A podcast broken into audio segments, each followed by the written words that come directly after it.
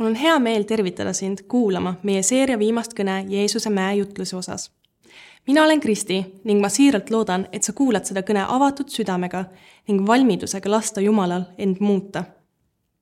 alustuseks, võta kas üksi või koos kogukonnaga hetk, et lugeda Matteuse raamatu seitsmendast peatükist salmid kolmteist kuni kakskümmend üheksa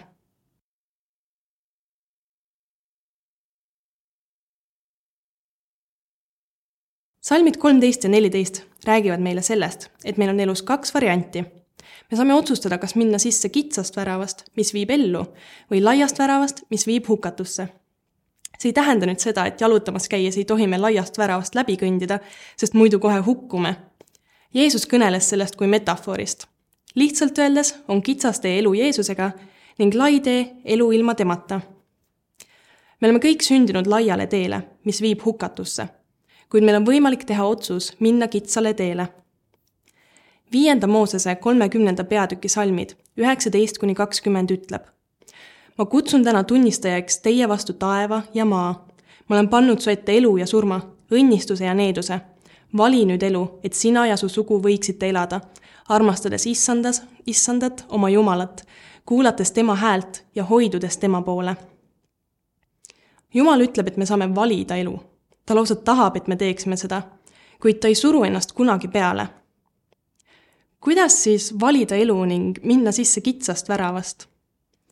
Jeesus ütleb Johannese neljateistkümnenda peatüki kuuendas salmis. mina olen tee ja tõde ja elu. ükski ei saa minna isa juurde muidu kui minu kaudu. ning Johannese kümnenda peatüki üheksandas salmis.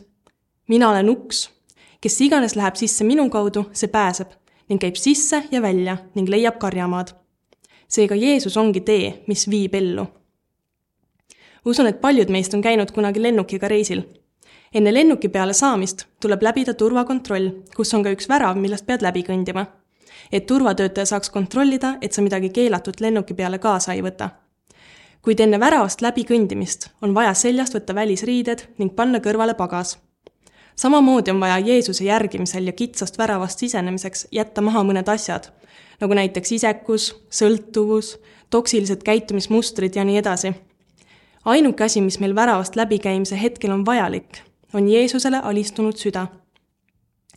kitsal teel käimine ei ole lihtne ning seetõttu valivadki seda vähesed. ei ole lihtne andestada kellelegi, kes on sulle või su lähedastele haiget teinud. ei ole lihtne keerata teist põske, ei ole lihtne armastada kedagi, kes käitub sinuga inetult. kuid just seda ja veel enam on Jeesus kutsunud meid tegema meie ees on igapäevaselt erinevaid olukordi, kus me saame otsustada, kas me käitume nii, nagu ülejäänud maailm või nii, nagu seda tegi Jeesus ja selle kaudu olla valguseks ülejäänud maailmale. näiteks on tänapäeval väga levinud arvamus, et absoluutset tõde ei ole olemas, vaid igaühel on oma tõde. Kuid Johannese seitsmeteistkümnenda peatüki salmis seitseteist, enne oma vangistamist, palvetab Jeesus Jumala poole ja ütleb, pühitse neid tões, sinu sõna on tõde seda arvesse võttes võib öelda, et piibel ehk Jumala sõna on objektiivne tõde.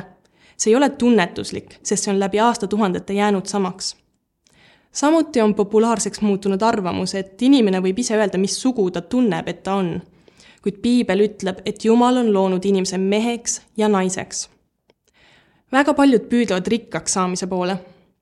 aga piibel ütleb, et rahaarmastus on kõige kurja juur muidugi ei ole raha kui maksevahend halb asi ning see on meie ühiskonnas vajalik, et toime tulla. aga selle armastus muudab inimese südant. rahaarmastus teeb tihti isekaks, sest enam ei mõelda sellele, kuidas teistele jagada, vaid sellele, kuidas teistelt võtta. jumal isegi õnnistab meid sageli finantsiliselt ning kui meie süda on pööratud tema poole, siis me kasutame seda raha Jumala kuningriigi ülesehitamiseks kui aga meie süda ei ole Jumala poole pööratud, siis meil on komme kasutada seda õnnistust ainult enda hüvanguks Matteuse kuus kakskümmend neli ütleb meile, keegi ei saa teenida kahte isandat. ikka on nii, et ta vihkab üht ja armastab teist või et ta pooldab üht ja põlgab teist. Teie ei saa teenida nii Jumalat kui mammonat. kahjuks liiga paljud inimesed armastavad raha rohkem kui Jumalat. roomlaste kaksteist kaks ütleb ja ärge muganduge praeguse ajaga, vaid muutuge meele uuendamise teel, et te katsuksite läbi, mis on Jumala tahtmine, mis on hea ja meelepärane ja täiuslik seega ära mine kaasa trendidega, mis on kaduvad, vaid hoia kinni Jumala sõnast, mis on läbi aegade muutumatu. viieteistkümnendas salmis hoiatab Jeesus meid valeprohvetite eest, kes tulevad meie juurde lambanahas. seestpidi aga on kiskjad hundid. Mõnikord on lihtne märgata kedagi, kes jagab valeõpetust. näiteks keegi, kes ütleb, et maailmal ei ole loojat. kõige esimene salm piiblis ehk esimese Moosese üks üks ütleb, alguses lõi Jumal taeva ja maa terve see peatükk räägib meile sellest, kuidas just Jumal on loonud maailma ja kõigele alguse pannud kuid kuna see teadmine on kristlaste hulgas niivõrd levinud, siis tänu sellele on lihtne märgata kedagi, kes jagab valeõpetust maailma loomise kohta. Kuid mõnda valeprohvetit on palju raskem märgata või eristada. seetõttu Jeesus ka ütleb, et nad on lambanahas. tihti need inimesed ise ei ole halvad ning nende eesmärk ei ole ka sulle halba teha. kuid nad on lihtsalt pimedad ja nad ei näe seda, et nad eksitavad sind õigelt teelt minu esimene kokkupuude kogudusega oli alles seitsmeteistaastaselt. enne seda ei olnud mul väga häid teadmisi Jumalast ega piiblist. Hakkasin käima koguduse noortekatel ja nägin, kuidas nendel inimestel on suhe Jumalaga ja kuidas nad elavad teistmoodi. tundsin, et see on täiega koht, kuhu ma kuulun ja millest tahan osa olla. kuid mingi hetk hakkasin ma erinevatel pidudel käima kristlastega koos ja alkoholi tarbima värske kristlasena ei olnud mul endal piisavalt head arusaamist piiblist ja tugevat isiklikku suhet Jeesusega polnud ka ning seetõttu olin väga kergesti mõjutatav. Ja mõtlesin, et kui nemad on kristlased olnud juba aastaid ja nende jaoks on see okei okay,, siis järelikult me ei tee midagi valesti. see ei ole absoluutselt koht, kus ma süüdistan teisi selles, et nad mind eksiteele viisid, sest nad ei teinud seda tahtlikult. kuid kui mina oleksin iseseisvalt võtnud rohkem aega, et õppida tundma Jumala sõna, siis ma ei oleks seisnud lihtsalt teiste kristlaste sõna peal, vaid ma oleksin seisnud Jumala sõna peal sain sellest õppetunni, et ei tasu elada teiste kristlaste järgi, sest inimesed on ebatäiuslikud. tuleb elada hoopis Jeesuse õpetuse järgi. seega olgem valvsad, sest mõnikord inimene küll tahab sulle head, kuid see ei tähenda automaatselt, et see ka reaalselt sinu jaoks hea piibli valgel. Apostlite tegude kahekümnendas peatükis, salmides kakskümmend üheksa kuni kolmkümmend, ütleb Paulus järgnevalt. mina tean, et pärast minu äraminekut tulevad teie sekka julmad hundid, kes karja ei säästa ja teie eneste seast tõusevad mehed, kes moonutavad tõde, et vedada jüngreid eneste järele. kahekümnenda sajandi Šoti kirja, kiriku pastor ja teoloog William Barclay on öelnud, et valeprohveti põhiline viga on omakasu. see võib väljenduda soovis teenida oma tegevusest kasu või teha oma elu lihtsamaks, mõtlemata teiste peale, soovis mõjuvõimu järele või soovis edendada oma isiklikke ideid, aga mitte Jumala ideid kuna inimlikult meeldib meile palju rohkem kuulda seda sõnumit, mis meid ülistab ja meie elu lihtsaks teeb, kui sõnumit, mis kutsub meid meelt parandama ja midagi muutma enda juures, siis on valeprohvetitel üsnagi lihtne oma sõnumit levitada. Paulus on kogudust ka hoiatanud viimse aja hädaohtude eest. Pauluse teine kiri Timoteusele kolm üks kuni viis ütleb. aga see olgu sul teada, et viimseil päevil tuleb raskeid aegu, sest siis on inimesi, kes on enesearmastajad, rahaahned kelkijad, ülbed, teotajad, sõnakuulmatud äh,, sõnakuulmatuid vanemaile, tänamatud, nurjatud, halastamatud, leppimatud, laimajad, ohjeldamatud, jõhkrad, heapõlgajad, reetlikud, tormakad, upsakad, rohkem lõbu kui jumala armastajad, kellel on küll jumalakartuse nägu, aga kes on salanud selle väe. niisuguseid väldi. kuid Jeesus ei ole jätnud meid lihtsalt oma tarkusest toime tulema siia maa peale ta on andnud meile õpetuse selle osas, kuidas eristada valeprohveteid. Matteuse seitsmenda peatüki kuueteistkümnendas salmis ütles Jeesus, et me tunneme nad ära nende viljast. iga hea puu kannab head vilja ja iga halb puu halba vilja. selleks, et teada saada, mis on hea ja mis halb vili, saame taas vaadata piiblisse Pauluse kirjas galaatlastele on viienda peatüki salmides üheksateist kuni kakskümmend kolm kirjeldatud erinevaid viljasid, mis võivad inimese elus esile tulla lihaliku loomuse teod on ilmsed, need on hoorus, rüvedus, kõlvatus, ebajumala teenistus, nõidus, vaen, riid, kiivus, raevutsemine, isemeelsus, lõhed, lahknemised, kadetsemine, purjutamised, prassimised ja muu sarnane, mille eest ma teid hoiatan, nagu ma varemgi olen hoiatanud, et need, kes midagi niisugust teevad, ei päri Jumala riiki. aga vaimuvili on armastus, rõõm, rahu, pikk meel, lahkus, headus, ustavus, tasadus, enesevalitsus, millegi niisuguse vastu ei ole seadus seega me peaksime tähelepanu pöörama sellele, kas inimese elust tuleb esile vaimuvili või lihaliku loomuse teod. kas tema jutt läheb kokku Jumala sõnadega või on selle eesmärk lihtsalt inimestele meelepärane olla? kas see toob ühtsust või tekitab lõhesid inimeste vahel? kas tema õpetuse mõjul tulevad inimesed lähemale Jeesusele või on see lihtsalt hetkes midagi meeldivat ja lõbustavat, kuid ei oma igavikulist väärtust? mõnikord inimesed loodavad sellele, et nad saavad varjata halba vilja ja näidata end kuidagi paremana. Kuid me kõik teame, et kui me salaja sööme igapäevaselt hunnikute viisi magusat endale sisse, siis see tuleb meie figuuris esile ning meil ei ole võimalik seda kuidagi peita.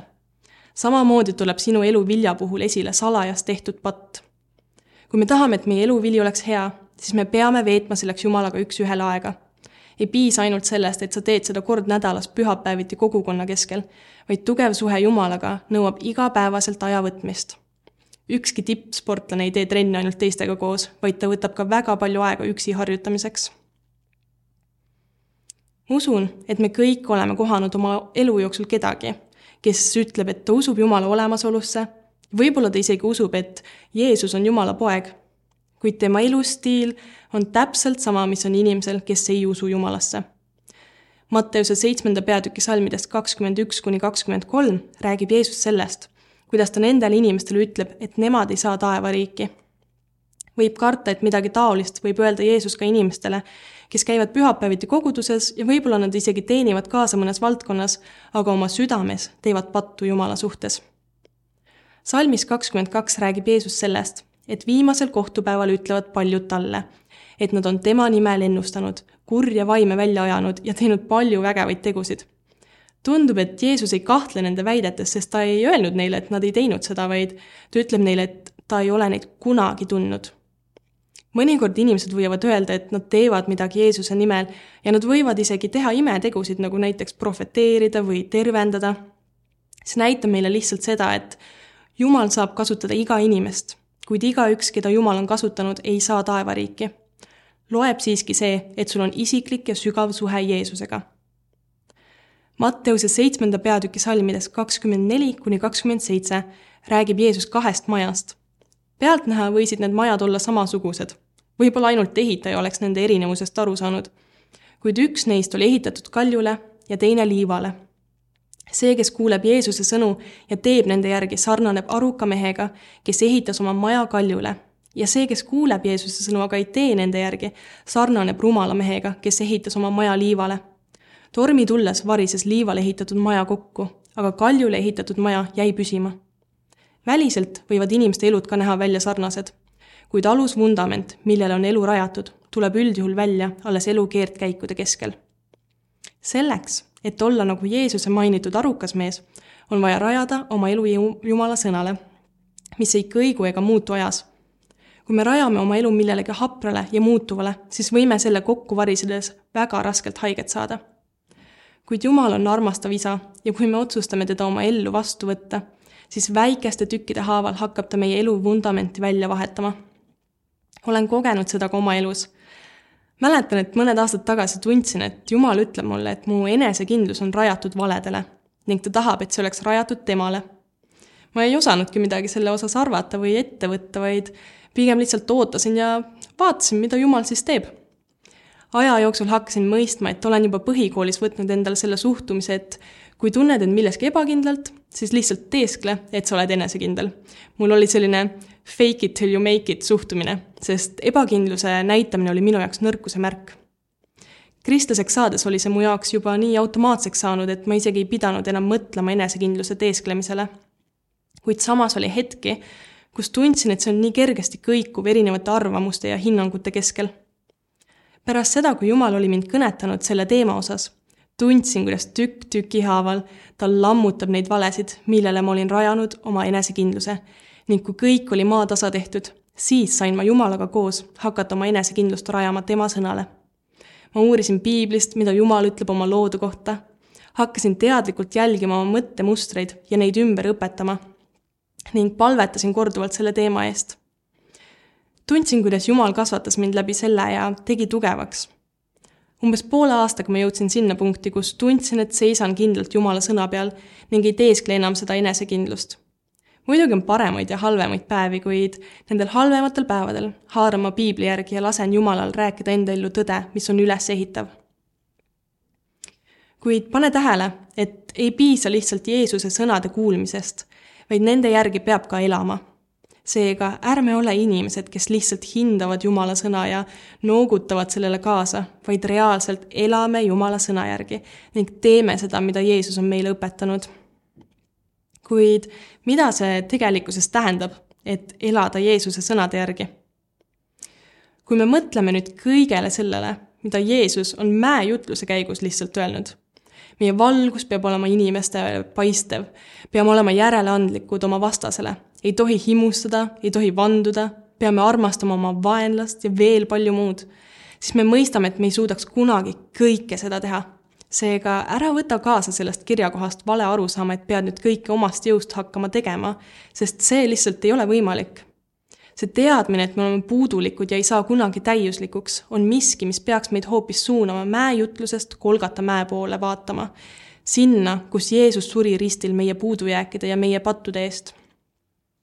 Efeslaste üks seitse ütleb, temas on meil lunastus ja tema vere läbi üleastumiste andeks saamine tema armurikkust mööda jagan teile lõpetuseks lugu sellest, kuidas mina ootasin pikalt, et kutsuda ennast kristlaseks ja teha päästepalve olin poolteist aastat juba koguduses käinud ning uskusin tegelikult Jumalasse. kui alguses ma käisin koguduses ainult inimeste pärast, siis selleks ajaks olin juba käimas ka seetõttu, et kuulda rohkem Jumalast. Kuid oma sisemuses ma tundsin pidevalt, et olen veel liiga räpane ja patune, et kutsuda ennast kristlaseks. ma justkui ei tahtnud end sildistada kristlasena, sest teadsin, kui suur vastutus sellega kaasneb ja ma arvasin, et ma pean kõik oma probleemid enne ise ära lahendama ja alles siis saan päästepalve teha. mõistan ka praegu, kui rumal see on, aga oh, ühel hetkel ma mõistsin, mida ütleb roomlaste viis kaheksa.